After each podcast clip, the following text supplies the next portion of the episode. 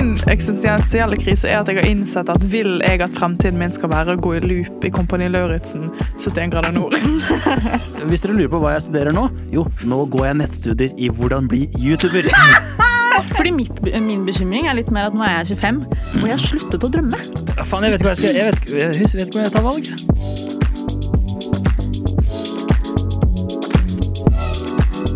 Sitter i ditt lille kollektiv på Løkka, hvor du betaler ned på noen andre sitt huslån og gjør deg klar for skiftet ditt på deltidsjobben du har i kundeservice du må ha for å få deg til å gå rundt.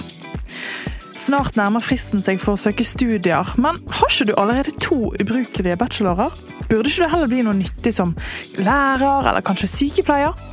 På TV-en så ruller Dagsrevyen. Antallet klimaflyktninger øker, krigen i Ukraina har eskalert, og matprisene ja, de stiger igjen i morgen. Burde ikke du gjøre noe bra for menneskeheten? For klimautfordringene?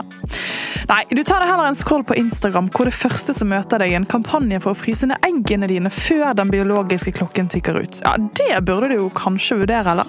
Det har jo ikke akkurat bugnet av frierier i det siste. Nei, den vurderingen den tar ikke du i dag. Du får et varsel fra LinkedIn hvor hun er skikkelig irriterende fra videregående fikk nok en forfremmelse i advokatfirmaet hun jobbet i. Hvordan fikk hun det til, og ikke du? Du runder av scrollen med en runde TikTok, hvor pilates, manifestering og 5 AM morning routine blir løftet frem som løsningen på livet. Ja, Burde kanskje trent litt. Og det forholdet du har vært i i fem år, er ikke det litt på overtid? Nei, det får bli en annen dag. Allerede før servicejobben du skal på, så er du mer mentalt utslitt enn hvilken som helst dårlig kundeopplevelse som ligger og venter på deg i kveld. Gratulerer. Du har kommet til kvartlivskrisen. Hva nå?